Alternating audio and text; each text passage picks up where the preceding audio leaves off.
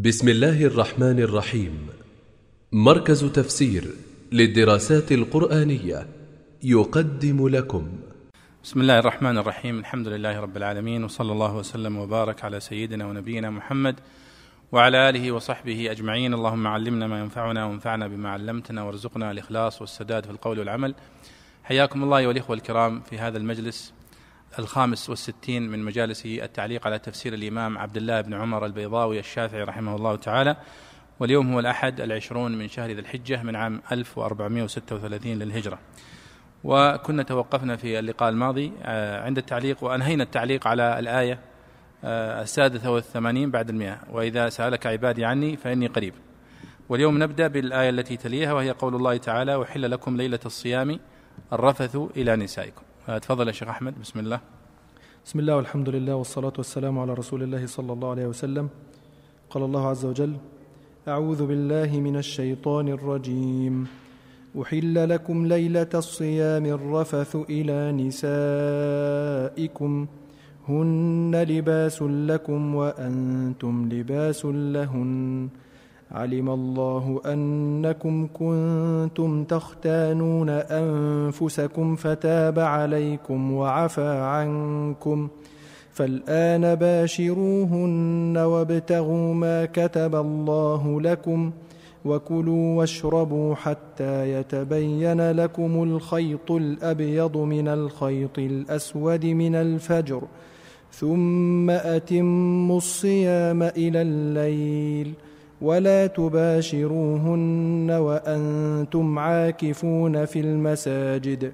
تلك حدود الله فلا تقربوها. كذلك يبين الله آياته للناس لعلهم يتقون.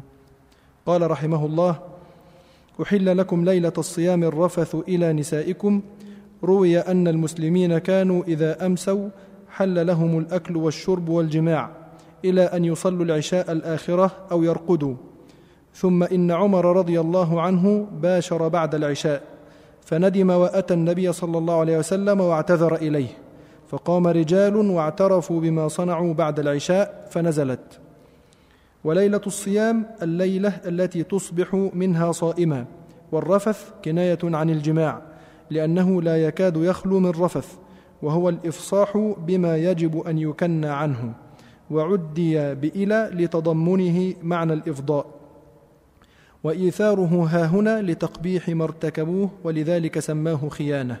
وقرئ الرفوث هن لباس لكم وأنتم لباس لهن استئناف يبين سبب الإحلال. وهو قلة الصبر عنهن وصعوبة اجتنابهن لكثرة المخالطة وشدة الملابسة. ولما كان الرجل والمرأة يعتنقان ويشتمل كل, كل منهما على صاحبه شبه باللباس. قال الجعدي إذا ما الضجيع ثنى عطفها تثنت فكانت عليه لباسا. أو لأن كل واحد منهما يستر حال صاحبه ويمنعه من الفجور. نعم. بسم الله الرحمن الرحيم. آه هذه الآية أيها الإخوة هي امتداد وهي آخر الآيات التي تتحدث عن موضوع الصيام. سبقت الآيات التي قبلها تحدثت عن مشروعية الصيام وتحدثت عن أحكامه وعن الرخصة للمريض والرخصة للمسافر. وجاءت الآية التي تحدثت عن الدعاء وإذا سألك عبادي عني فإني قريب أجيب دعوة الداعي إذا دعان. ثم جاءت هذه الآية ختام للآيات عن والحديث عن آيات الصيام وهي تتعلق بمسألة يعني آه تلاحظون أنه في, في الآيات التي سبقت كان يتحدث عن الصيام عن الأعذار التي تبيح الإفطار للمرض أو السفر أو العجز. الآن يتحدث عن مسألة من المسائل المتعلقة بالصيام وهي مسألة آه، جماع الزوجة في آه، ليلة الصيام. هل هذا يجوز أو لا يجوز؟ وكيف كان هذا؟ كيف نسخ بعد ذلك؟ يقول الله سبحانه وتعالى احل لكم ليلة الصيام الرفث إلى نسائكم. هنا جاء التعبير هنا احل لكم ليلة الصيام. فجاء التعبير هنا بالفعل المبني للمجهول أحل. وفي قراءة قراءة أبي ميسرة وهي من القراءات الشاذة أحل لكم ليلة الصيام الرفث إلى نسائكم. أي تقدير الكلام أحل الله لكم ليلة الصيام الرفث. وهنا أيضا أحل لكم ليلة الصيام. بني هنا للمجهول لأنه لا يمكن أن يتبادر إلى ذهن المسلم أن هناك أحد يحلل أو يحرم إلا الله سبحانه وتعالى. وبالتالي حتى لو لم يذكر الفاعل فهو معروف. أحل حرم عليكم كذا. المقصود أن الله هو الذي حرم وهو الذي أحل. يقول البيضاوي هنا روي أن المسلمين كانوا إذا أمسوا حل لهم الأكل والشرب والجماع إلى أن يصلوا العشاء الآخرة أو يرقدوا. ثم إن عمر رضي الله عنه باشر بعد العشاء فندم وأتى النبي صلى الله عليه وسلم واعتذر إليه فقام رجال واعترفوا بما صنعوا بعد العشاء فنزلت. يعني فنزلت هذه الآية. وتذكرون أنه مر معنا في الحديث عن صيغ أسباب النزول أن الصيغة الصريحة أو أصرح الصيغ التي تدل على سبب النزول هي هذه الصيغة أنه حصل كذا وكذا فنزلت. وهذا تصريح آه، واضح بأن هذه سبب النزول المباشر لهذه الآيات. وتعلمون أن القرآن الكريم نزل منجما على النبي صلى الله عليه وسلم على حسب الوقائع والأحداث. كلما وقعت واقعة فتنزل الآيات التي تعالج هذه الواقعة. ولا شك أن هذا أرسخ في التربية وفي فهم القرآن وفي آه، أخذه. لذلك قال الصحابة رضي الله عنهم أن أنهم ما كانوا يتجاوزون عشر آيات حتى يتعلموا ما فيها من العلم والعمل وهذا يؤدي أولا إلى الاستجابة لهذا الأوامر وهذه الآيات. الأمر الثاني آه، رسوخ العلم. وهذه منهجية لا يمكن أبدا أن تحصل على العلم إلا بها. يعني الذي يأخذ العلم جملة يذهب عنه جملة أما الذي يأخذه شيئا فشيئا فإنه يثبت ويرسخ مع الليالي والأيام. كل يوم مسألة مسألتين آية آيتين ثلاث فيحصل الإنسان بها علما غزيرا. وهذه يعني تكاد تكون قاعدة مضطردة في العلم لا يمكن لأحد أن يكسرها ويتجاوزها. ولذلك كان يعني يكثر من ذكرها العلماء في كتب طلب العلم وآداب طلب العلم أنه يعني أخذ العلم مسألة مسألة وشيئا فشيئا فإنه مع الليالي والأيام يتعلم الإنسان علما غزيرا. أما إذا أراد أن يأخذه جملة فإنه يذهب عنه جملة. ولذلك القرآن الكريم نزل على هذه المنهجية. لما وقعت هذه الحادثة من عمر رضي الله عنه ومن غيره كانوا في أول الصيام إذا نام الرجل بعد صلاة المغرب فإنه لا يجوز له أن يأكل حتى لو استيقظ في أثناء الليل. وكذلك إذا آه، يعني لا يستطيع أن يباشر زوجته. فلما وقع منهم مخالفة لهذا نام عمر ثم لما قام من النوم باشر زوجته فندم وأخبر النبي صلى الله عليه وسلم فنزلت هذه الآيات التي تبين جواز هذا الأمر وأن هذا تخفيف من الله سبحانه وتعالى على هذه الأمة. طيب قال وليلة الصيام هي الليلة التي تصبح منها صائما ويعني هذه مسألة واضحة أن الليلة تسبق اليوم في في العبادة وفي التعبد في رمضان وفي غيره. فنحن آه، الليلة التي تسبق اليوم هي هي ليلة الصيام. لذلك يقول البيضاوي هنا هي الليلة التي تصبح منها صائما. ولذلك نحن ليلة يعني العيد مثلا خلاص ينتهي رمضان بآخر بغروب الشمس آخر أيام رمضان فتصبح الليلة التي بعدها هي ليلة العيد.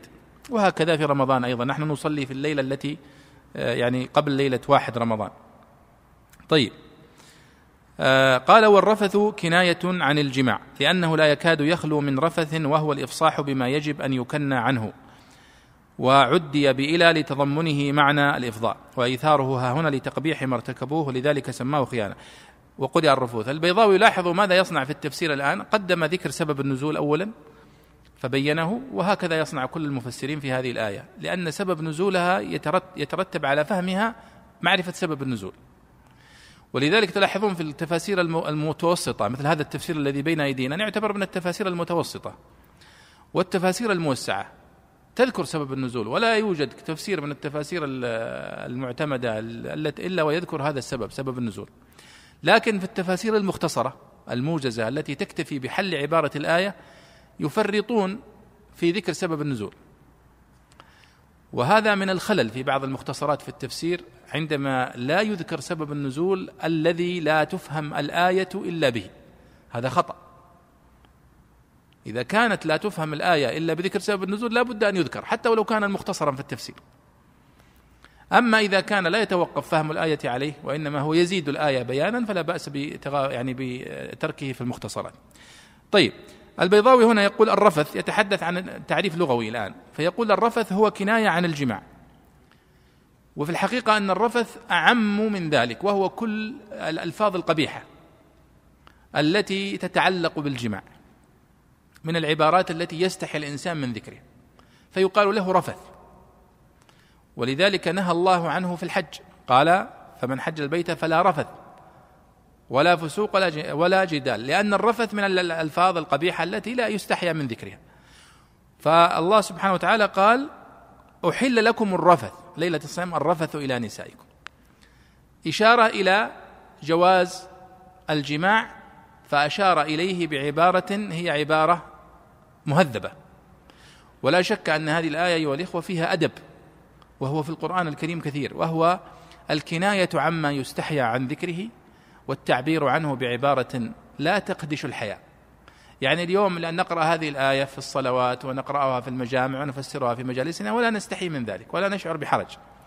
في حين أن الذي يقرأ في كتاب في التوراة المحرفة أو في الإنجيل يجد كثير من عبارات الخادشة للحياة القبيحة جدا التي لا لا يستطيع الإنسان أن يقرأها في عامة في عموم في ملأ.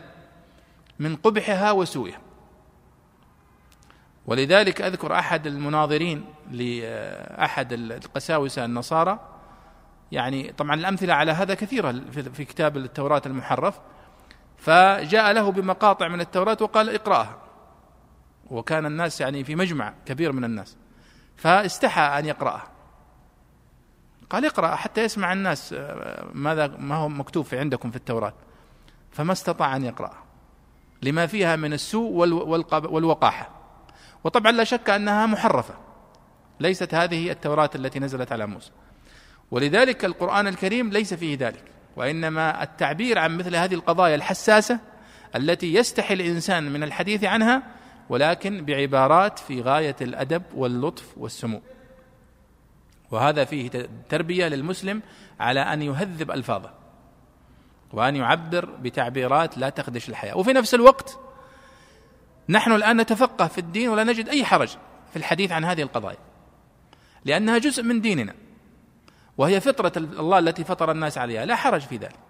فيعني انظر إلى الموازنة بين هذين الأمرين الحساسين جدا ويعني تقديمها بهذه الصورة الرائعة جدا التي يعني هي يعني لا شك أنها من إعجاز القرآن. قال آه، والرفث كناية عن الجماع لأنه لا يكاد يخلو من رفث وهو الإفصاح عما يجب أن يكن عنه. ثم قال وعدي بإلى لتضمنه معنى الإفضاء. هنا يعني تلاحظون في البيضاوي هو يسير على منهج الزمخشري في هذا. الزمخشري أبدع حقيقة في هذا الجانب وهو التوجيه البلاغي للتعبيرات القرآنية. وهو أن يوجه التعبيرات القرآنية ويبين لماذا جاء التعبير بإلى لماذا جاء التعبير بكذا لماذا جاء التعبير بالفعل الفلاني. ويوجه ما جاء فيه من البلاغة والبيان والاختيار. لماذا جاء الاختيار لهذا الفعل دون هذا الفعل أو لهذا الحرف دون هذا الحرف؟ وهذه لا شك أنها من دقائق البلاغة ومن أسرار التراكيب في القرآن الكريم وفي اللغة العربية بصفة عامة. فهنا يقول الله سبحانه وتعالى احل لكم ليلة الصيام الرفث إلى نسائكم. الرفث إلى. طيب لماذا عد الرفث بإلى؟ لماذا لا يقول الرفث مع نسائكم؟ فالبيضاوي قال هنا عدي بإلى لتضمنه معنى الإفضاء. والله سبحانه وتعالى قد قال وقد أفضى بعضكم إلى بعض. وقد أفضى بعضكم إلى بعض. فالإفضاء يعدى بحرف إلى. وتذكرون أن تحدثنا عن هذا مرارا في في هذا الدرس وهو مسألة التضمين النحوي في القرآن الكريم. وهذه مسألة رائعة جدا من المسائل التي ينبغي على طالب العلم أن يتقنها ويفهمها جيدا وهي فكرة يعني آه الذين قالوا بها أكثرهم من نحاة البصرة من نحاة البصرة.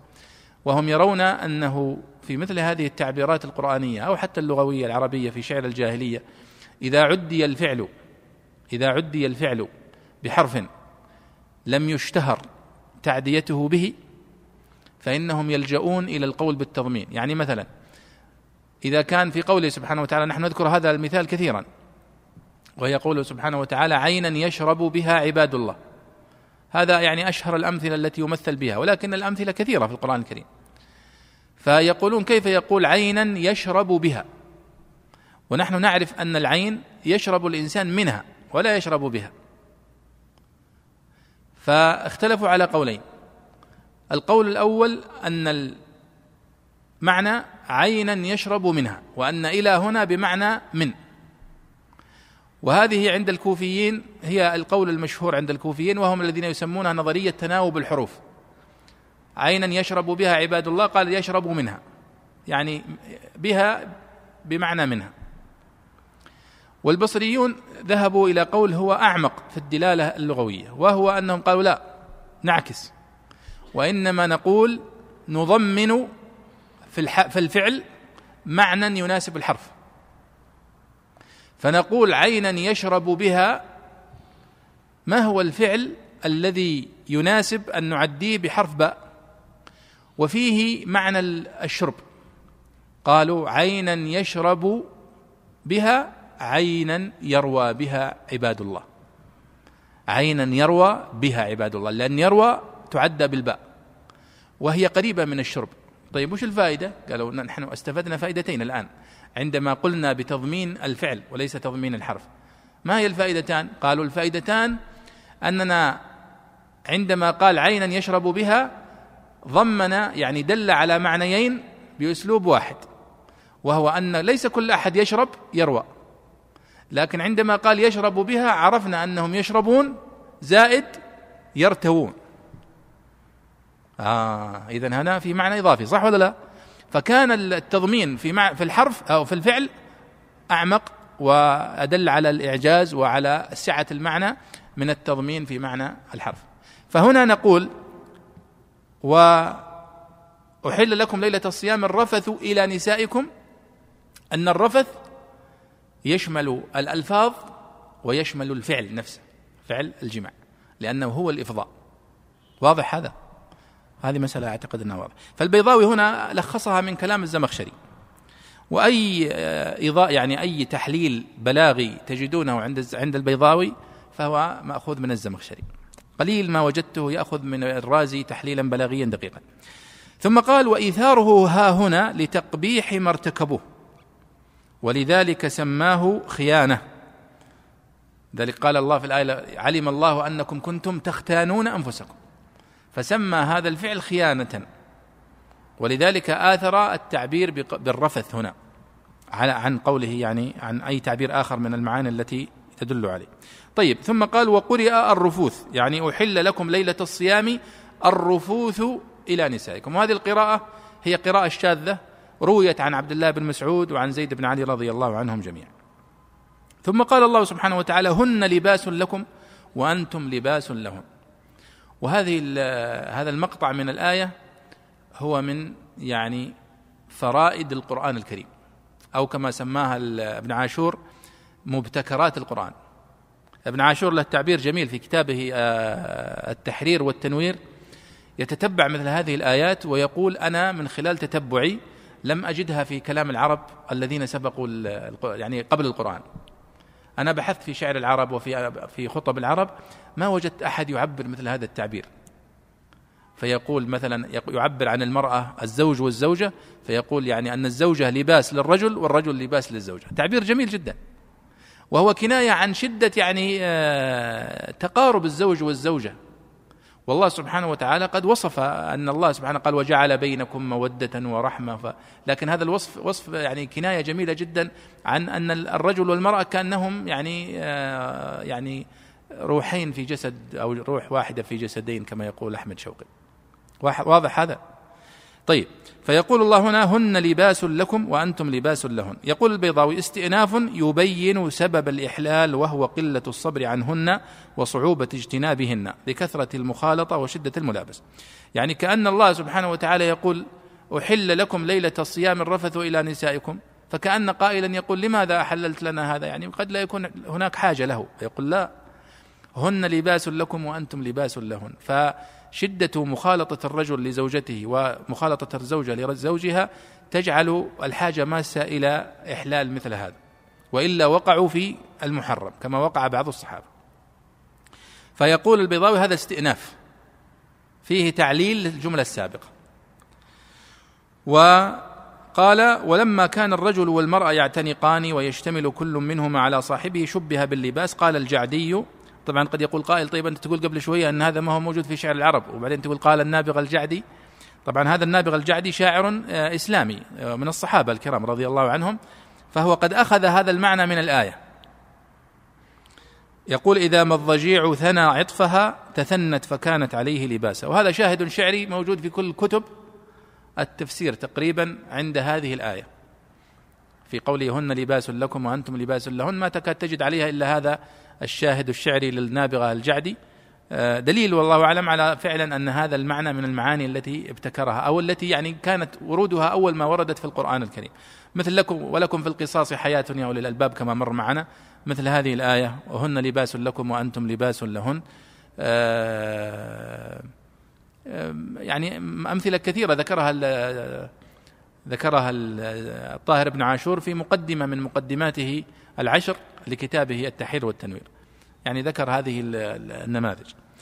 قال أو لأن كل واحد منهما يستر حال صاحبه ويمنعه من الفجور ولا شك أن كل هذه التعليلات صحيحة. التي ذكرها. طيب تفضل يا شيخ. قال رحمه الله علم الله أنكم كنتم تختانون أنفسكم تظلمونها بتعريضها للعقاب وتنقيص حظها من الثواب والاختيان أبلغ من الخيانة كالاكتساب من الكسب. فتاب عليكم لما تبتم مما اقترفتموه وعفى عنكم ومحى عنكم أثره.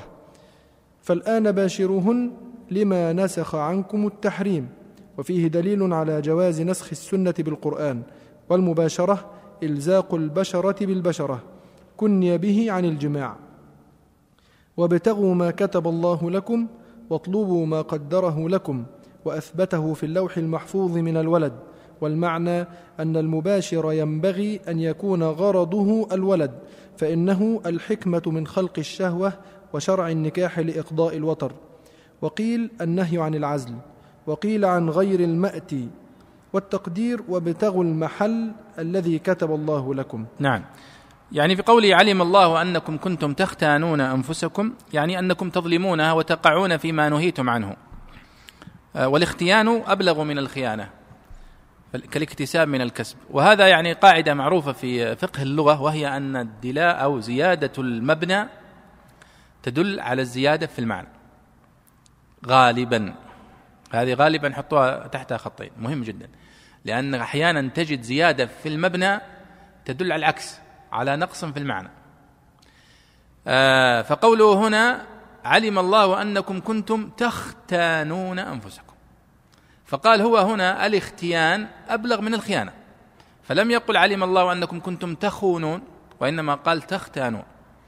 فدل على أن الفعل الذي هذا هو مخالفة كبيرة وأنه خيانة كبيرة للأمانة. ولاحظوا أيضا هذا مسألة الخيانة في العبادة. يعني الآن كونك تسرق في العبادة أو تخل بالعبادة التي بينك وبين الله هذه خيانة كبيرة. فهنا عندما حرم الله سبحانه وتعالى مباشرة الزوجة في ليلة الصيام ثم الوقوع فيها هذا سماه لم يسميه خيانة وإنما سماه اختيان. هنا القاعدة تنطبق فعلا أن الزيادة في المبنى تدل على الزيادة في المعنى فالاختيان أشد مبالغة من الخيان لكن المثال على أن الزيادة في المبنى قد تدل على نقص المعنى. في التصغير مثلا في قول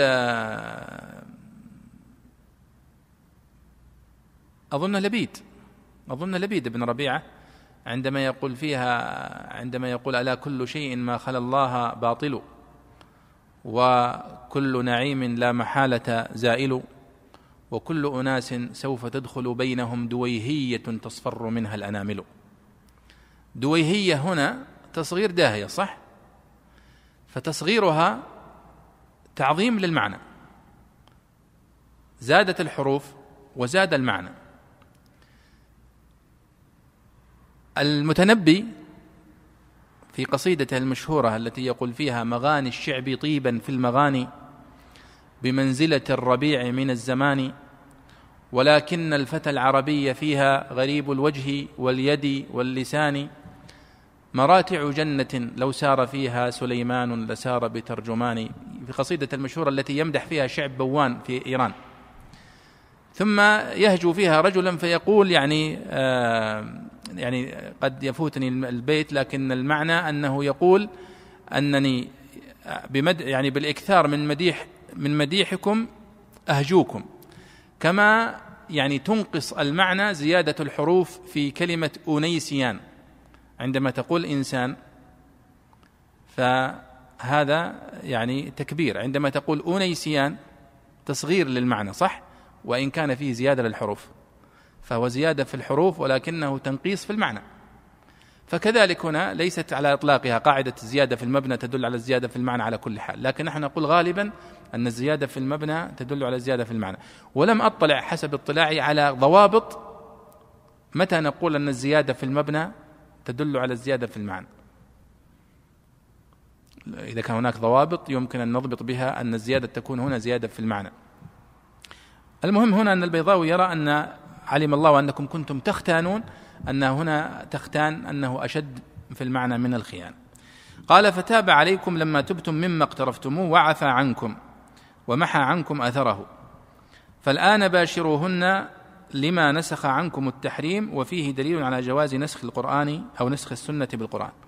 تذكرون لما مرت معنا قول الله تعالى آه، ما ننسخ من آية أو ننسها نأتي بخير منها أو مثلها وهذا مبحث عظيم من مباحث علوم القرآن المهمة جدا. وهو يعني علم مشترك بين القرآن والسنة النسخ. يوجد في القرآن الكريم نسخ ويوجد في السنة نسخ. لكنه من أبرز مباحث آه، القرآن الكريم مسألة النسخ. وهو أن يأتي حكم في القرآن الكريم ثم يأتي بعده حكم آخر ينسخه إما أن يبطله بالكلية وإما أن يخصصه أو نحو ذلك. فالبيضاوي هنا استنبط من هذا من هذه الآية جواز نسخ السنة بالقرآن. كيف؟ قال لأن يعني تحريم مباشرة الزوجة وجماع الزوجة في ليلة الصيام هذا ثبت بالسنة. ولم يرد في القرآن الكريم تحريم له. ثم ورد في القرآن الكريم إباحته. أحل لكم ليلة الصيام الرفث إلى نسائكم. طيب ما ما هو موجود عندنا في القرآن الكريم تحريم له من قبل حتى نقول أحل؟ هو موجود في السنة إذا إذا هذا دليل على جواز نسخ السنة بالقرآن. وتذكرون أن ذكرنا الأقسام ثلاثة أقسام. نسخ القرآن بالقرآن هذا لا شك لا جدال فيه وهو واقع وجائز. نسخ السنة بالسنة لا جدال فيه أيضا وهو واقع أيضا. نسخ القرآن بالسنة وهذا الذي فيه الخلاف. نسخ السنة كما هنا بالقرآن وهذا لا خلاف فيه أيضا هو جائز. لماذا خالف العلماء في جواز نسخ القرآن بالسنة؟ يعني يأتي حديث نبوي فينسخ آية قرآنية فنقول هذه الآية القرآنية منسوخة بالحديث. العلماء في ذلك على قولين. منهم من يقول لا يمكن أن نجيز نسخ القرآن بالسنة. لماذا؟ قالوا لأن السنة ليست مثل القرآن. القرآن أعلى منها. فقلنا في أي جانب تتحدثون عن مثلية ماذا؟ إن كنتم تتحدثون عن أنه ليس مثلها في الإعجاز وفي البلاغة ونعم صحيح.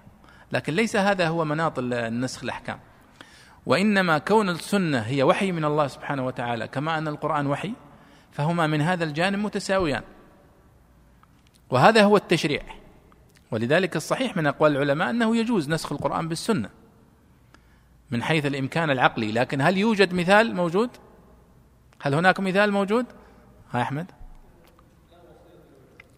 هذا هنا. أن القرآن فيه فيه آيات مواريث وفي السنة إن الله قد أعطى كل ذي حق حقه فلا وصية لوارث. فهذه هذا الحديث ينسخ آية الوصية التي مرت معنا. كتب عليكم إذا حضر أحدكم الموت إن ترك خيرا الوصية للوالدين والأقربين. كيف يردون؟ يقولون الذين لا, لا تنسخ السنة القرآن أبدا. نقول هذه الآية ليست منسوخة. وإنما المذكورين فيها الذين هم أصبحوا أصحاب فروض نستبعدهم. وأما الذين لم يكونوا أصحاب فروض تبقى لهم الوصية جائزة. فهناك وجه. لكن على كل حال هذا مثال آه، ليس في المقصود الذي نقصده يعني أنه يجوز نسخ القرآن بالسنة ليس هذا هو المقصود. البيضاوي هنا يقول لا العكس يعني جواز نسخ السنة بالقرآن بحيث أنه ثبت التحريم بالسنة وهو تحريم جماع الزوجة ليلة الصيام وثبت الإحلال بالقرآن.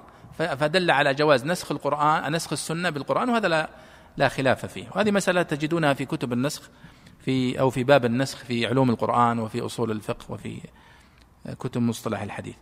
ثم قال البيضاوي والمباشرة لاحظوا هنا البيضاوي يعني هذه من مزايا تفسير البيضاوي وهو أنه يستدل على كثير من القواعد الأصولية من خلال تفسيره.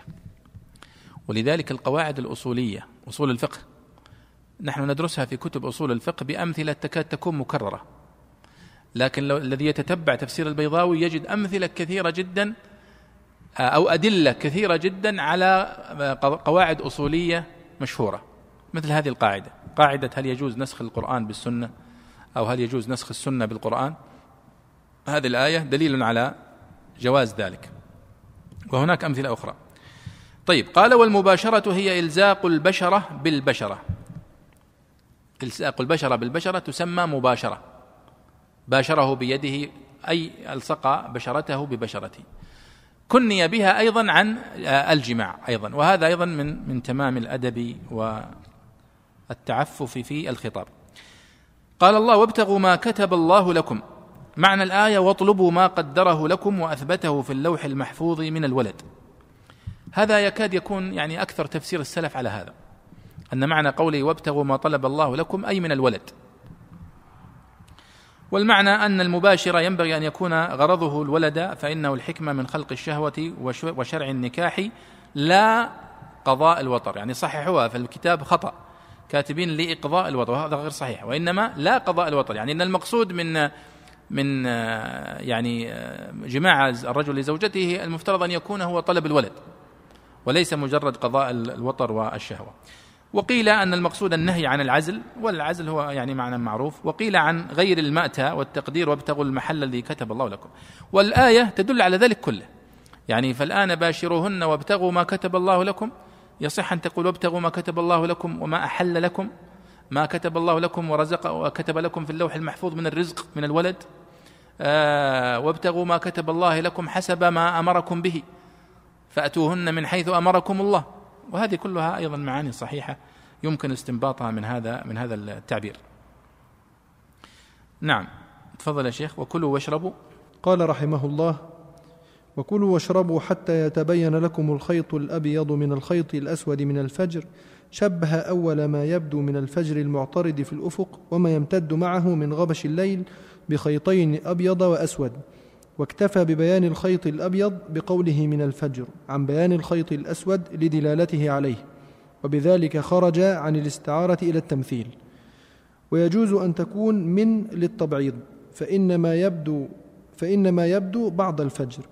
وما روي أنها نزلت ولم ينزل من الفجر فعمد رجال إلى خيطين أسود وأبيض ولا يزالون يأكلون ويشربون حتى يتبين لهم فنزلت. إن صح فلعله كان قبل دخول رمضان وتأخير البيان إلى وقت الحاجة جائز أو اكتفى أولا باشتهارهما في ذلك ثم صرح بالبيان لما التبس على بعضهم.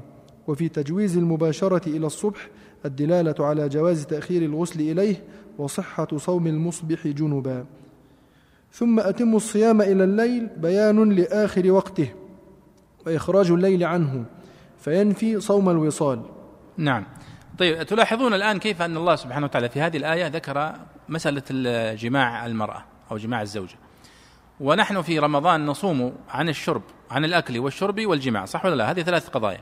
في هذه الآية ركز على جانب الجماع في البداية ثم في الأخير قال وكلوا واشربوا حتى لا ينصرف ذهن السامع إلى أن المقصود هو فقط جواز جماع الرجل لزوجته في ليلة الصيام ولا يجوز له أن يأكل أو يشرب.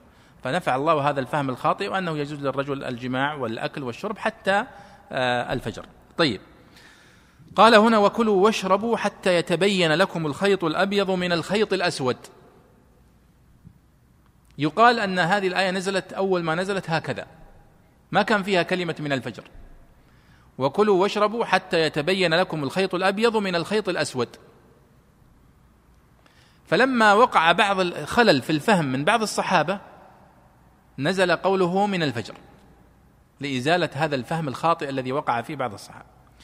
طيب يقول شبه البيضاوي هنا يتحدث عن الصورة البلاغية ثم يتحدث عن سبب النزول.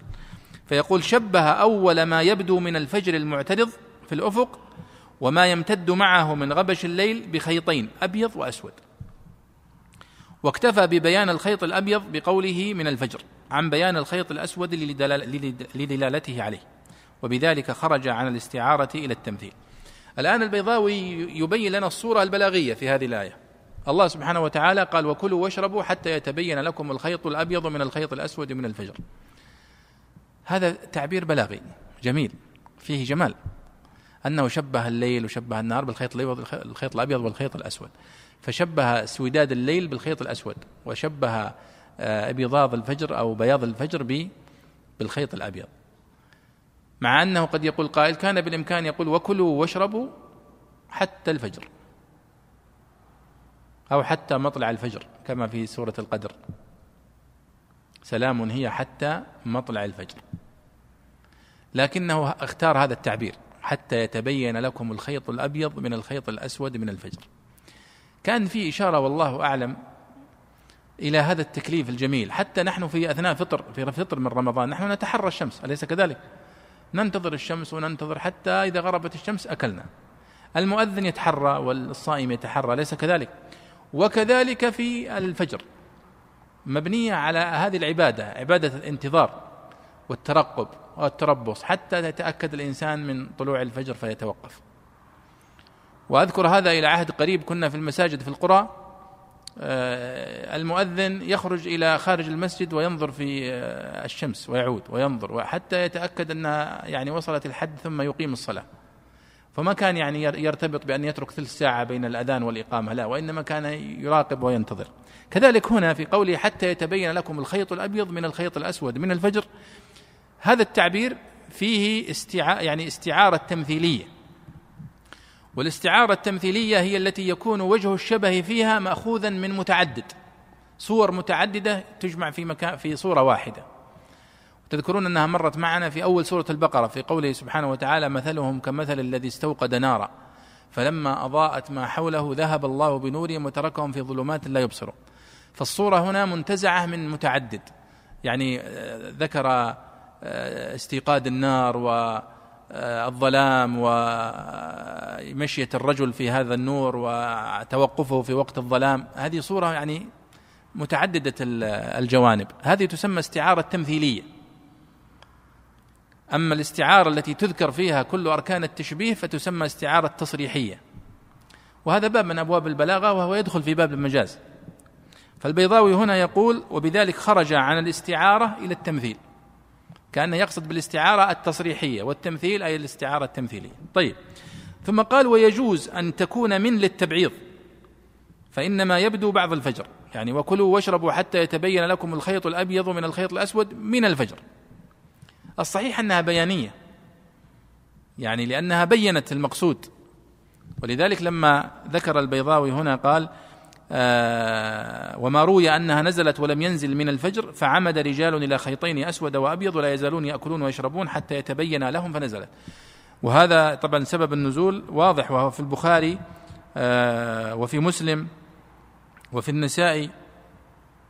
آه عن عدي بن حاتم رضي الله عنه وعن غيره أنه قد وقع في هذا الفهم. أنه كان يضع تحت مخدته أو تحت وسادته خيط أبيض وخيط أسود وينظر فيهما. فإذا تبين له الأبيض في وسط الظلام عرف أنه خرج الفجر. وطبعا يتوقع أنه كان هناك نافذة عنده حجرة فيها نافذة. وإلا إذا كان عندك غرفة ليس فيها نافذة فستبقى الخيط الأسود إلى إلى آخر إلى النهار طبعا. لكن يفترض أن هناك نافذة يخرج منها ضوء. فأنه لما يستطيع أن يميز اللون الأبيض من الأسود في الظلام. فإذا ميز اللون الأبيض هذه علامة على على ظهور الفجر عنده حسب فهمه. طبعا هذا يدلنا أيها الإخوة على أنه مهما كان الإنسان فصيحا ومن أهل اللغة ومن أهل البيان فإنه قد يقع ويغيب عنه بعض المعاني اللغوية في القرآن الكريم. فعدي بن حاتم الطائي هو صحابي جليل من قبيلة طي. وقبيلة طي هي من القبائل الأزدية الكبيرة المشهورة. وهم من فصحاء العرب وكثير من شواهد النحويين من شواهدهم الطائيين. بل يعني من اللطائف أبو حاتم أبو أبو ابن مالك ابن مالك الطائي صاحب الألفية ألفية ابن مالك. هو طائي هو من من قبيل الطي وكثيرا ما يقول في كتبه قال الطائي قال الطائي قال الطائي ويستشهد بشعرهم. فبعض الباحثين يرى أنه يقصد نفسه. وأنه كان ينحل الشواهد الشعرية ويزورها وينسبها للعرب. وطبعا هذا كلام يعني له نقاشه. لكن الشاهد أن قبيله طي من القبائل المشهورة الفصيحة وبالرغم من ذلك شوف عدي بن حاتم كيف يقع في هذا الفهم. والنبي صلى الله عليه وسلم لما لما بلغه يعني صنيع حاتم أو عدي بن حاتم ضحك عليه الصلاة والسلام وقال إن وسادك لعريض. إذا كان وسادك تستطيع أن تضع تحته الليل والنهار وتشوفها من خلاله فوالله وسادك هذا وساد عريض جدا يا عدي. إنما هو سواد الليل وبياض النهار. المسألة ما هي بخيوط و تخيلوا أنه يعني كنا مكلفين حتى نعرف خروج الفجر بتدبر أو تأمل أو آه، يعني خيط أبيض وخيط أسود. هذا فيه مشقة ليس كذلك؟ كبيرة. لكن المقصود به سواد الليل وبياض النهار. فهذا التعبير يعني تعبير فيه كناية وكما يقول البيضاوي هنا استعارة تمثيلية. طيب. قال البيضاوي ذكر سبب النزول كما قلنا ثم قال إن صح فلعله كان قبل دخول رمضان. وتأخير البيان إلى وقت الحاجة جائز. هو البيضاوي هذا أيضا من قواعده الأصولية التي يذكرها في المناسبات. ذكر قبل قليل قاعدة النسخ وأنه يجوز نسخ السنة بالقرآن. هنا يتكلم عن مسألة جواز تأخير البيان إلى وقت الحاجة. ويستدل عليها بهذه الآية. كيف؟ يقول الآن هل معقول أن نقول أن قوله تعالى من الفجر ما تنزل إلا بعد أن يقع الناس في الخطأ؟ هذه مسألة من المسائل الأصولية وهي مسألة في باب البيان. تجدونها في كتب أصول الفقه في باب البيان. من أهم مباحثها مسألتان وهي عدم الأصوليون متفقون على عدم جواز تأخير البيان عن وقت الحاجة. يعني يحين وقت حاجة البيان وبيان الحكم ولا يبينه الله سبحانه وتعالى لا في القرآن ولا في السنة حتى يتجا يمر وقت الحاجة إليه ثم يأتي البيان. قالوا هذا لا يجوز. والأصوليون متفقون على أنه لا يجوز تأخير البيان عن وقت الحاجة وقد فرعوا على هذه القاعدة قواعد كثيرة منها كل ما يتعلق بإقرار النبي صلى الله عليه وسلم أليست السنة النبوية في الاستدلال أنها كل ما أثر عن النبي صلى الله عليه وسلم من قول أو فعل أو تقرير صح؟ تقرير هذه تدخل تحت هذه القاعدة كيف؟ أن النبي صلى الله عليه وسلم يبلغه شيء أو يبلغه فعل أو عمل عمله أحد من الصحابة أو غيرهم ثم يسكت ولا يبين الحكم فيه. فإذا أقره النبي صلى الله عليه وسلم سكت فنقول إذن هو جائز لأن النبي صلى الله عليه وسلم لا يمكن أن يقرهم على باطل. وهذا يندرج تحت هذه القاعدة أنه لا يجوز تأخير البيان عن وقت الحاجة. واضح هذا يا شباب؟ هذه النقطة الأولى. النقطة الثانية هي جواز تأخير البيان إلى وقت الحاجة. لاحظت الفرق؟ الأولى عدم جواز تأخير البيان عن وقت الحاجة. الجانب الثاني جواز تأخير البيان إلى وقت الحاجة. هذا فيه خلاف بين الأصوليين. منهم من يرى جوازه ومنهم من لا يرى جوازه. مثلا الله سبحانه وتعالى هنا يقول وكلوا واشربوا حتى يتبين لكم الخيط الأبيض من الخيط الأسود. بعض الناس ما فهم هذا المعنى فوقع في فهم خاطئ كما وقع من عدي بن حاتم بن حاتم. فجاء البيان فقال من الفجر لإزالة هذا الخطأ في الفهم الذي وقع في الأذهان. فقالوا هذا إذن دليل على جواز تأخير البيان إلى وقت الحاجة. جاءت حاجة لأن هناك الله سبحانه وتعالى لم ينزل من الفجر. اتكالا على فهم العرب. فوجد أفراد وقع منهم سوء فهم. فنزل البيان عندما جاءت الحاجة. فهذه هي القاعدة الثانية جواز تأخير البيان إلى وقت الحاجة. البيضاوي يرى هنا جواز ذلك. ولذلك يقول وتأخير البيان إلى وقت الحاجة جائز. هذا مذهبه. هناك من يرى عدم جواز تأخير البيان إلى وقت الحاجة. وهذه يعني يعبرون عنها في كتب الأصول يقولون جواز تأخير البيان عن وقت الخطاب إلى وقت الحاجة. فينزل الخطاب أول ما ينزل ليس فيه هذا البيان. فمثلا يقول أقيموا الصلاة. حتى إذا جاء وقت فعلها يعني مثلا لنقل أنه أمرنا بإقامة الصلاة الساعة تسعة صباحا. متى سوف تحين أول صلاة؟ صلاة الظهر. ما بين لنا الساعة التاسعة كيف نصلي؟ لكنه قال وأقيموا الصلاة. فلما جاءت الساعة الثانية عشرة نريد أن نمتثل نصلي نزل البيان بكيفية الصلاة. فهذه هي القاعدة الثانية. جواز تأخير البيان إلى وقت الحاجة. فهو قد أمرنا أمرا مجملا ولم ولم يكن هناك بيان وهذا إجمال أمر بالإقامة الصلاة. ثم لما جاء وقت الحاجة وهو وقت أول فريضة صلاة الظهر جاء البيان. هذا المقصود بتأخير البيان عن وقت الخطاب إلى وقت الحاجة. البيضاوي هنا استنتج من هذه الآية أنه يجوز تأخير البيان إلى وقت الحاجة لأنه إن صح القول بأنها من الفجر لم تنزل إلا بعد أن وقع الخطأ من بعض الصحابة فإذا لا بأس بذلك. ونقول أن هذا دليل على جواز تأخير البيان إلى وقت الحاجة آه، ويعني الاحتياج إليه. واضحة هذه النقطة يا شباب؟ طيب قال البيضاوي أو اكتفى أولا باشتهارهما في ذلك ثم صرح بالبيان لما التبس على بعضهم. طيب وفي تجويز المباشرة إلى الصبح الدلالة على جواز تأخير الغسل إليه وصحة صوم المصبح جنبا. أيضا هذا استنباط لطيف. استنباط فقهي من هذه الآية. وهذه أيضا يمكن أن يعني نعتبرها من مزايا تفسير البيضاوي وهو الاستنباطات التي يذكرها الأصولية والعقدية والفقهية وهذه يعني تعتبر من مزايا تفسيره. فقوله سبحانه وتعالى وكلوا واشربوا حتى يتبين لكم الخيط الأبيض من الخيط الأسود من الفجر. طبعا أيضا والمباشرة يعني كأنه يقول وكلوا واشربوا وباشروا. حتى يعني يؤذن للفجر.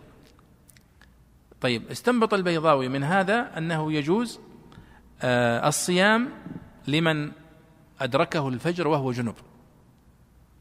كيف استنبط؟ قال استنبطه هنا بمفهوم الغاية لأنه قال وكلوا واشربوا حتى يتبين لكم الخيط الأبيض من الخيط وحتى هنا حرف يدل على ماذا؟ على انتهاء الغاية. يعني آخر موعد لجواز الأكل والشرب والجماع هو هذا العلامة وهو يعني بزوغ الفجر. ونحن اليوم نتوقف حتى يؤذن الفجر. نحن في الحقيقة ما توقفنا من أجل الأذان وإنما توقفنا لأن الأذان علامة على يعني خروج الفجر ودخول الفجر. وإلا لو ما أذن في الوقت هل يجوز أن تكمل تأكل وتشرب؟ لا. وإنما يجب أن تتوقف. فأنت الأذان هو علامة على هذا الذي ذكره الله. وليس يعني هو نفسه هو العلامة أو هو الحد. فالبيضاوي هنا استنبط من هذا جواز آه، تأخير الغسل إليه وصحة صوم المصبح جنوبا. يعني الآن رجل آه، باشر زوجته وأذن الفجر وهو جنب وزوجته جنب هل نقول صومه صحيح؟ نعم نقول صومه يغتسل ويصلي الفجر وصومه صحيح بدلالة هذه الآية. وهذا الاستنباط يعني استنبطه معظم المفسرين. استنبطه معظم المفسرين والأصوليين. وأفتوا به. وإن كان وقع في بعض الروايات خلاف بين الصحابة رضي الله عنهم آه، عن أبي هريرة وغيره ثم استقر الرأي على هذا لأن هذا رأي الجمهور وهو الصحيح. ثم قال الله سبحانه وتعالى ثم أتم الصيام إلى الليل بيان لآخر وقته وإخراج الليل عنه. فينفي صوم الوصال. أيوة تفضل يا شيخ. قال رحمه الله ولا تباشروهن وأنتم عاكفون في المساجد معتكفون فيها. والاعتكاف هي اللبث في المساجد بقصد القربة والمراد بالمباشرة الوطء. وعن قتادة كان الرجل يعتكف فيخرج إلى امرأته فيباشرها ثم يرجع فنهوا عن ذلك. وفيه دليل على أن الاعتكاف يكون في المسجد ولا يختص ولا يختص بمسجد دون مسجد وأن الوطء يحرم فيه ويفسده لأن النهي في العبادات يوجب الفساد.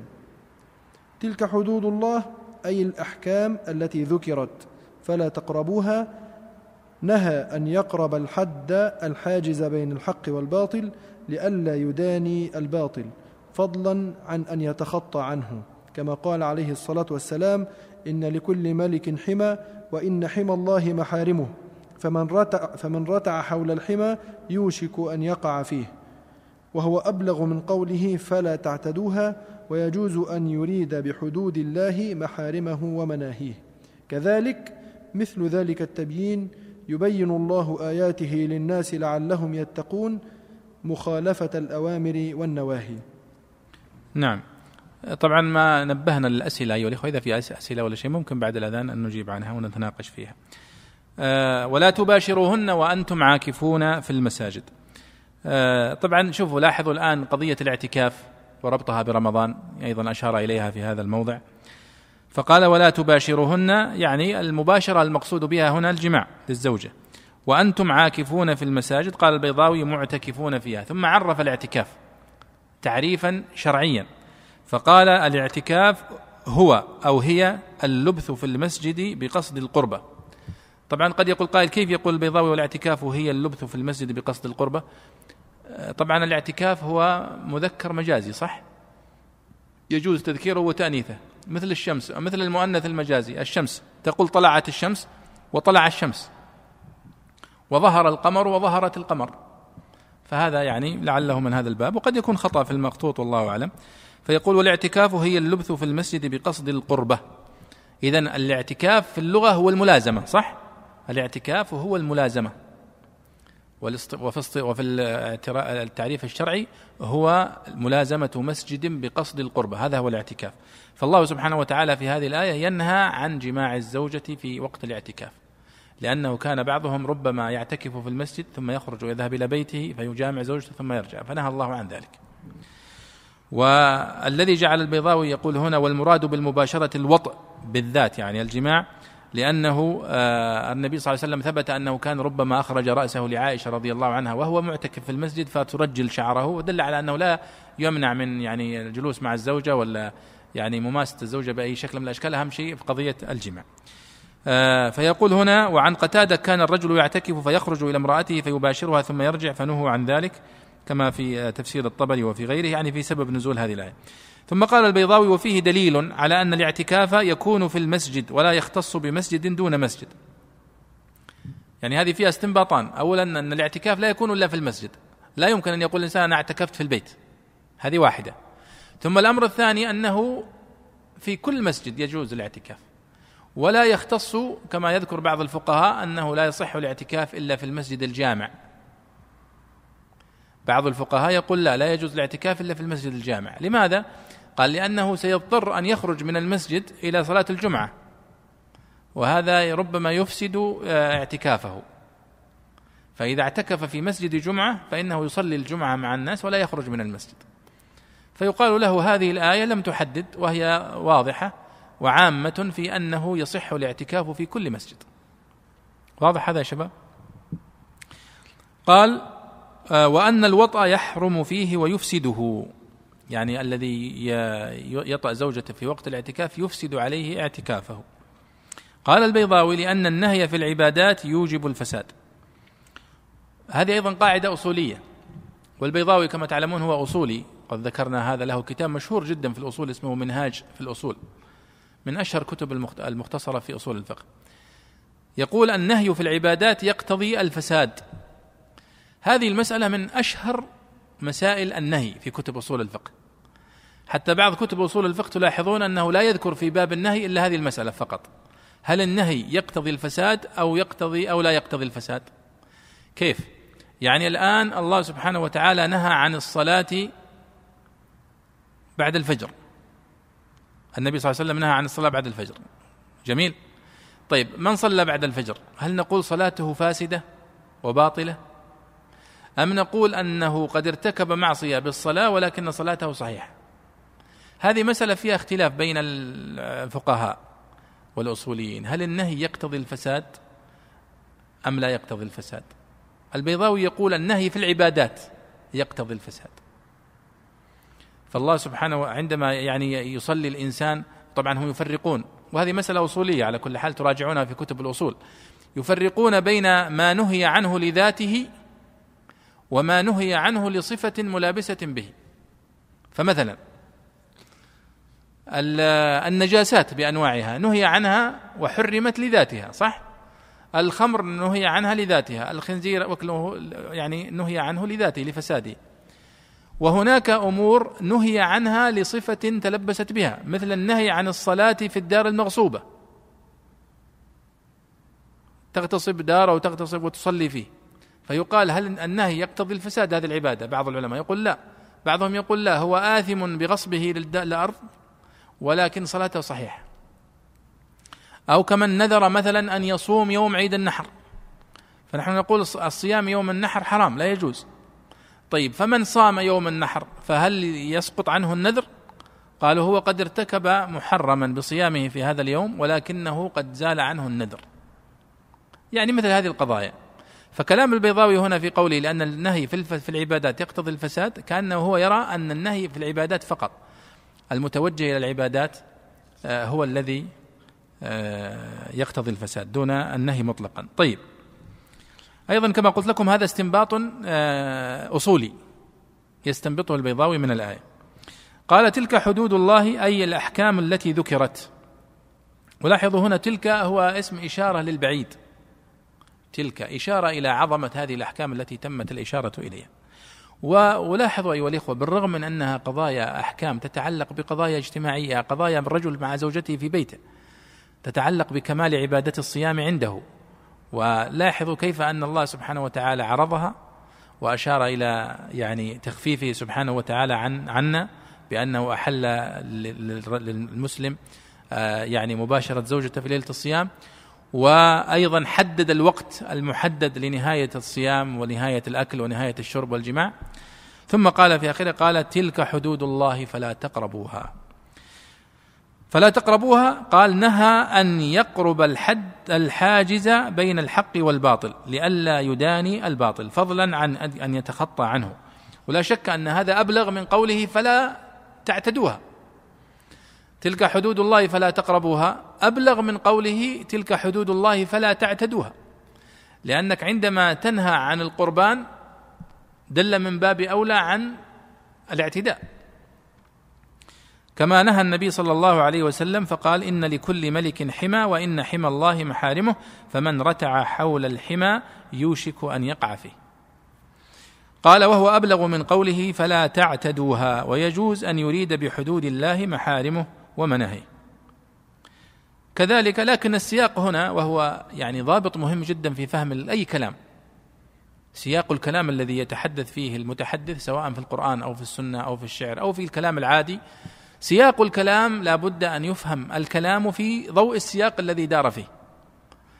ولذلك من أو من أعظم المخالفات والتي وقع فيها من يحرفون القرآن الكريم عن عن معانيه من المتقدمين سواء من الفرق الباطنية أو غيرهم أو من المعاصرين من الحداثيين وغيرهم فإن فإن السبب هو إخراجهم استبعادهم السياق. في فهم الكلام. هنا الحديث يت... النقاش يتحدث عن آه هذا الموضوع بالذات وهو مسألة الرجل مع زوجته في ليلة الصيام. فيقول تلك حدود الله فلا تقربوا. المقصود بحدود الله هنا هذه القضية. عدم يعني تجاوز هذه الحدود التي حدها الله في رمضان و فعندما تأتي هنا فتعمم كل الحدود تقصد بها كل النواهي والمحرمات فأنت قد وسعت الدلالة أكثر من دلالة السياق. مع أنه قد ورد طبعا في مواضع أخرى النهي عن قربان كل حدود الله. لكن هنا السياق يحكمنا بهذا المحرمات بالذات التي تتعلق يعني الزوجة ومباشرة الزوجة في ليلة الصيام. ثم قال كذلك يبين الله آياته للناس لعلهم يتقون أي مثل ذلك التبيين يبينه الله سبحانه وتعالى للناس لعلهم يتقون مخالفة الأوامر والنواهي وهنا أيها الإخوة في إشارة في هذه الآيات التي هي في آيات الأحكام. نحن نتحدث في كثير من الآيات التي مرت معنا عن آيات الأحكام. أحكام الصيام وأحكام الحج و آه، يعني التي مرت معنا أحكام الوصية.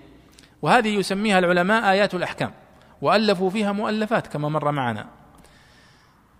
هي تشير إشارة يعني عظيمة إلى رحمة الله سبحانه وتعالى بنا نحن المسلمين. حيث أن الله سبحانه وتعالى فصل لنا في القرآن الكريم هذه التفاصيل المتعلقة بعبادتنا. حتى هذه القضايا البسيطة إلى متى نأكل؟ إلى متى نشرب؟ متى نتوقف؟ ما الذي يجوز؟ ما الذي لا يجوز؟ ما الذي يحرم؟ ما لا. قضايا الله سبحانه وتعالى تولى الإفتاء فيها مباشرة. ولا شك أن هذا دليل على أمور منها أولا تعظيم هذه الأحكام. وإجلالها والأمر الثاني أيضا بيان رحمة الله سبحانه وتعالى بعباده أنه هو الذي تولى البيان بنفسه ولم يترك البيان للنبي صلى الله عليه وسلم في كثير من القضايا. طيب انتهينا طبعا من هذه الآية لعلنا إن شاء الله بعد الأذان نكمل. هنا سؤال يتعلق بالآية التي كنا نتحدث عنها يقول هل قوله تعالى فالآن باشروهن وابتغوا ما كتب الله لكم يدل على الوجوب؟ طبعا لاحظوا هنا هذه مسألة مهمة أيضا مسألة أصولية لم ينبه إليها فعلا البيضاوي هنا وهي مسألة آه، الأمر المجرد عن القرائن. هل يقتضي الوجوب؟ الصحيح نعم. هذه المسألة فيها أمر لكنه ليس مجرد عن القرائن هناك قرينة تصرفه عن الوجوب وهي أنه كان هناك حظر كان هناك تحريم. لأن يأتي الرجل زوجته في ليلة الصيام. ثم جاءت الإباحة. فقال أحل لكم ليلة الصيام. علم الله أنكم كنتم تختانون أنفسكم. هذا إشارة إلى أنه كان إذن محرما. فجاء جاءت الإباحة. هذه قاعدة عند الأصوليين يسمونها الأمر بعد الحظر. هل الأمر بعد الحظر للإباحة أم للوجوب؟ هناك خلاف بين الأصوليين. بعضهم يقول أن الأمر بعد التحريم أو بعد الحظر يدل على الإباحة. وبعضهم يقول لا الأمر بعد الحظر يدل على الوجوب والصحيح والصحيح هو أن الأمر بعد الحظر يعيده إلى ما كان عليه قبل التحريم. فإذا كان واجبا قبل النهي فإنه يعود إلى الوجوب وإذا كان مباحا يعود إلى الإباحة كما هو في هذا الحال. فالآن يعني مباشرة الرجل لزوجته هي من باب المباح. كما في قوله سبحانه وتعالى وكلوا مثلا في قوله فإذا قضيت الصلاة فانتشروا في الأرض وابتغوا من فضل الله. هل نقول والله يجب على كل واحد بعد صلاة الجمعة أن يمارس البيع والشراء؟ لا. وإنما هو بعد إنما هو يعني من باب الإباحة. من باب الإباحة.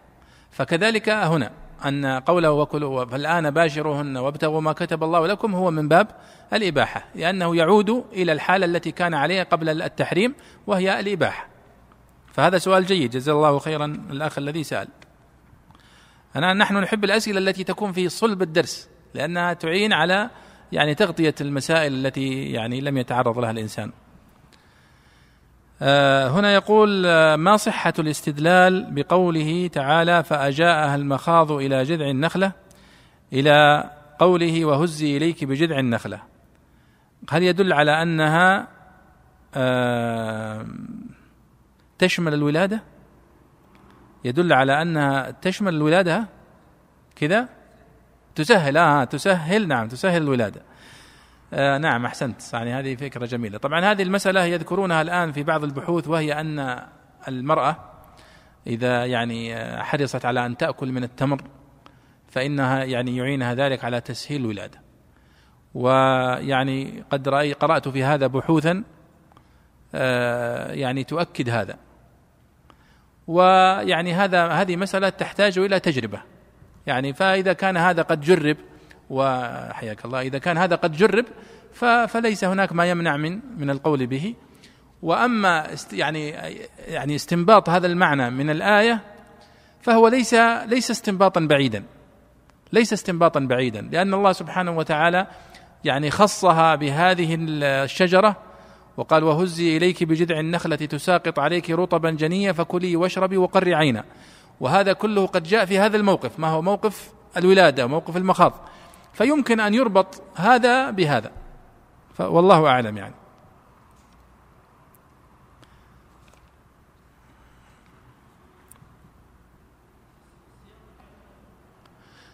نعم يا شيخ. أيوه. قد جعل ربك تحتك. طبعا هذا يعني فيها قراءتان كما تعلم. فناداها من تحتها قيل أنه جبريل. وفي قراءة فناداها من تحتها؟ أيضا قيل أنه إما أنه عيسى أو أنه جبريل. لكن على كل حال يعني هذه الآية فأجاءها المخاض إلى جذع النغله النخلة. آه قالت يا ليتني مت قبل هذا أو كنت نسيا من منسية. فناداها من تحتها لا تحزني قد جعل ربك تحتك سرية. سرية يعني نهر ماء. فكلي واشربي من النهر يعني وقول هزي إليك بجذع النخلة تساقط عليك رطبا جنيا فيها يعني كلام كثير. فيها مسألة يعني حتى وجدت بعضهم كتب بحثا طويلا في استنباط موعد ولادة عيسى عليه الصلاة والسلام وأنه قد ولد في الصيف ولم يولد في الشتاء. اليوم عيد الميلاد الذي يعني يصنعونه وهو يصنعونه في الشتاء في حين أن الآية تشير إلى أنه في الصيف. وش الدليل؟ قال الدليل أنها يقول وهزي إليك بجذع النخلة تساقط عليك رطبا جنيا. وليس هناك رطب جني إلا في وقت الصيف. فقلت له يعني هل المعجزة أصلا بحمل عيسى؟ فهي وقفت على يعني أن لازم أنها تكون النخلة في الصيف.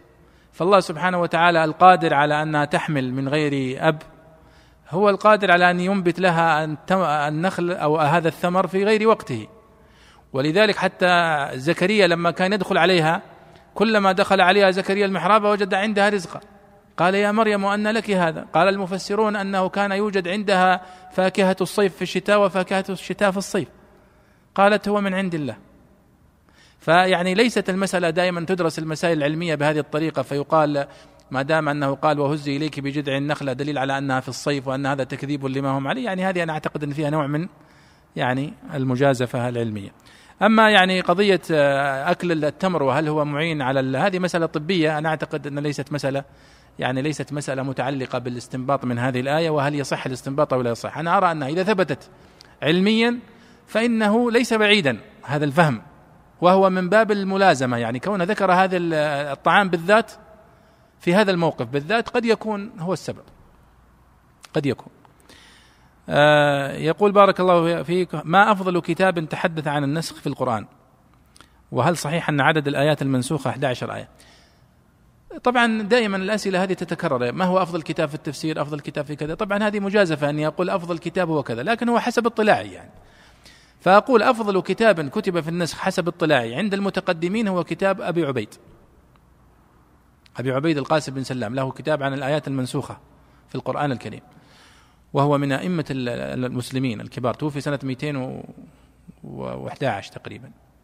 أو عفوا 300 أو يعني تقريبا آه، ربما 224 عفوا 224 وأفضل كتاب كتب عند المتأخرين في النسخ هو كتاب الدكتور مصطفى زيد رحمه الله النسخ في القرآن الكريم في مجلدين. وهناك كتاب ملخص مركز رائع جدا للدكتور عبد الله بن محمد الأمين الشنقيطي. عنوانه الآيات المنسوخة في القرآن الكريم. يعني طبعته مكتبة دار العلوم والحكم في المدينة المنورة وهو كتاب ثمين أنصحكم بقراءته. كتاب رائع جدا. أما هل صحيح أن عدد الآيات المنسوخة 11 آية؟ فأقول الصحيح والدكتور عبد الله ذكر هذا قال أن الآيات بين خمس آيات وتسع آيات. الصحيح. الآيات التي ثبت أنها منسوخة فعلا. مع أن مصطفى زيد ذكر في كتابه 224 آية. زعم أو ادعي فيها النسخ ولكن خرج في النهاية إلى أن الصحيح الذي ثبت هي ست آيات فقط. بل بعضهم يقول لم يثبت يعني ويتفق العلماء على أن هناك آية منسوخة إلا آية واحدة وهي الآية التي في سورة المجادلة. في سورة المجادلة وهي قوله سبحانه وتعالى يا أيها الذين آمنوا إذا ناجيتم الرسول فقدموا بين يدي نجواكم صدقة ثم قال فإذ لم تفعلوا وتاب الله عليكم فأقيموا الصلاة وكذا وكذا. فإن لم تفعلوا فنسخها. يعني أمر بتقديم صدقة. إذا أردت أن تخاطب النبي صلى الله عليه وسلم لازم تتصدق ثم تخاطبه. ثم نسخت هذا الحكم بعد ذلك. قال هذه الآية الوحيدة التي وقع الإجماع على نسخها. وما سوى ذلك فيه نقاش بين العلماء. وهذا المبحث بالمناسبة هو من أهم مباحث علوم القرآن. يقول هنا من رد على من ينفي نسخ القرآن بالسنة لكن القرآن قطع بأن القرآن لكون القرآن قطعي الثبوت أما السنة فهي ظنية الثبوت أو أكثر. آه، طبعا هذا هو من الاستدلالات التي يستدل بها من يرفض القول بأن السنة تنسخ القرآن الكريم. يقولون الله سبحانه وتعالى قال نأتي ب, ب نأتي ب ما ننسخ من آية أو ننسها نأتي بخير منها أو مثلها. وإذا قلنا أن القران أن السنة تنسخ القرآن السنة ليست مثل القرآن وليست بخير من القرآن. فلا يجوز أن تنسخ السنة القرآن.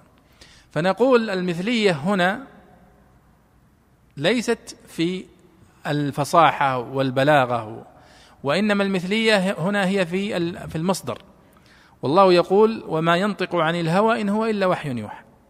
فما جاء في السنة وثبت كما جاء في القرآن وثبت. من حيث الحكم. والنسخ كما تعلمون هو يتعلق بالأحكام.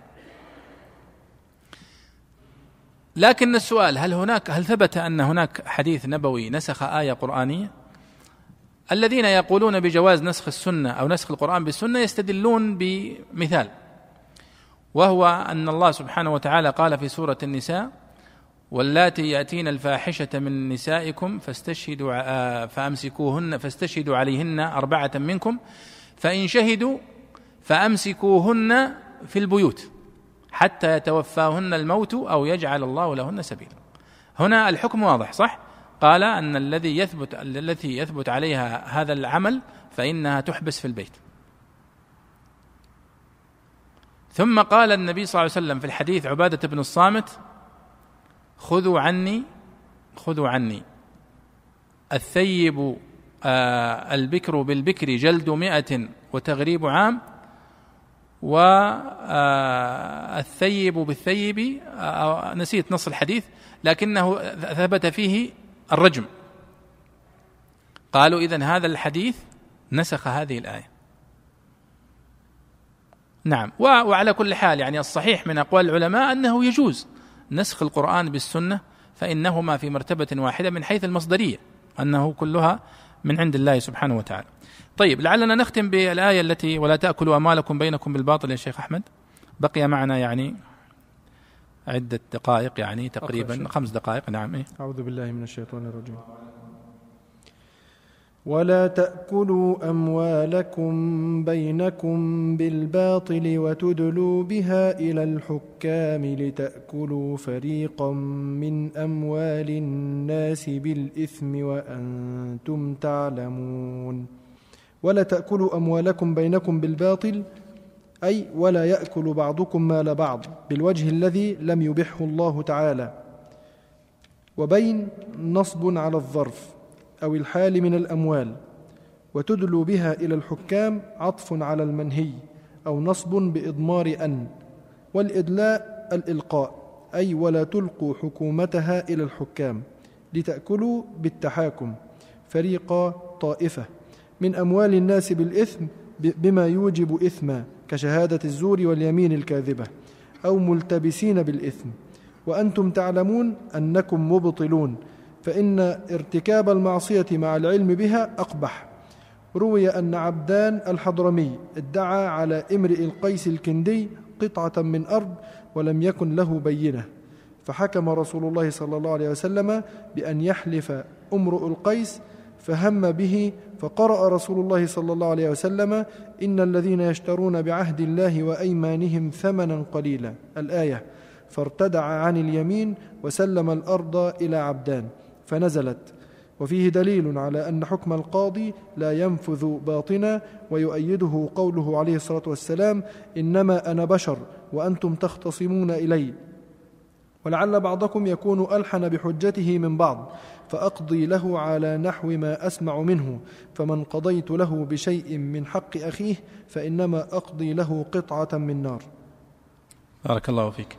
طبعا هذه الآية لاحظوا أيها الإخوة كيف جاءت بعد الحديث عن الصيام.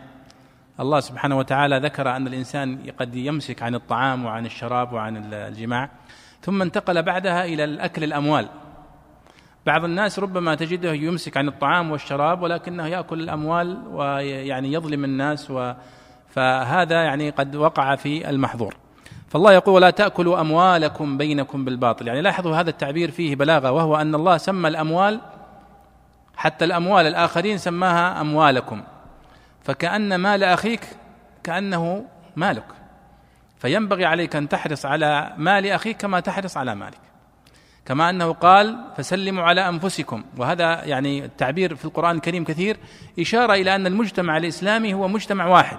ينبغي أن يحرص بعضنا على على يعني مال الآخر وعلى. فالله نهى هنا عن أكل الأموال بالباطل مطلقا. ثم قال وتدلوا بها إلى الحكام. والمقصود أن الإنسان يأكل المال بالباطل ثم يخاصم في ذلك وهو وهو غير وهو مبطل. فيشهد شهادة زور. أو يحضر شهداء زور لكي يستولي على الأموال بالباطل. هذا المقصود بقوله وتدلوا بها إلى الحكام. طيب بعض الناس ربما أنه استولى على قطعة أرض أو على مال ثم جاء بشهود زور وشهدوا له وأصبحت هذه الأرض في الصك باسمه. هل هذا يحلها له؟ لا. ولذلك البيضاوي هنا وكما قلت مرارا البيضاوي يعني يستنبط استنباطات كثيرة في تفسيره. وذكر استنباطا جميلا هنا فقال هنا آه وفيه دليل على أن حكم القاضي لا ينفذ باطنا. ويؤيده قول النبي صلى الله عليه وسلم إنكم تختصمون إلي آه إنما أنا بشر وأنتم تختصمون إلي ولعل بعضكم يكون ألحن بحجته من بعض. فأقضي له على نحو ما ما أسمع منه. فمن قضيت له بشيء من حق أخيه فإنما أقضي له بقطعة من النار. فهذا دليل. هذه الآية تدل على أن حكم القاضي لا يحل حلا حراما ولا يحرم حلالا. وأن الإنسان إذا كان يعلم أن هذا باطل أنه يأكل المال بالباطل حتى ولو أحضر شهود وأصبح الصك باسمه أو المال باسمه أو الرصيد في حسابه. هذا هو مقصود كلام البيضاوي هنا في قوله أن حكم القاضي لا ينفذ باطنا وإنما ينفذ ظاهرا. يصبح المال باسمك يصبح الصك باسمك لكنه في الباطن حرام عليك. والنبي قال فمن قضيت له بشيء فإنما أقطع له قطعة من النار يأخذها أو يدعها يعني سوف يحاسب بها وليس قضائي له بها يحلها له وهي محرمة وهو يعرف ذلك. فهذا هو معنى كلام الإمام البيضاوي هنا ولعلنا إن شاء الله نتوقف ونضيف يعني بعض التفاصيل حول هذا الاستنباط الذي ذكره البيضاوي إن شاء الله في المجلس القادم إن شاء الله تعالى وصلى الله وسلم وبارك على سيدنا ونبينا محمد وعلى آله وصحبه أجمعين. مع تحيات مركز تفسير للدراسات القرآنية. مركز تفسير مركز تفسير الريادة في تطوير الدراسات القرآنية.